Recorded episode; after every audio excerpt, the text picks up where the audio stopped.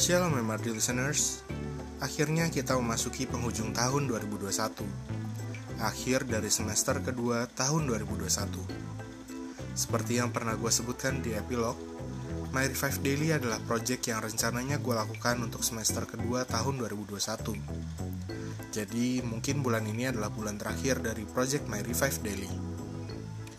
Terima kasih kalian masih ikut mendengarkan konten audio ini. Apakah gue akan melanjutkannya di tahun 2022? Gue masih belum tahu.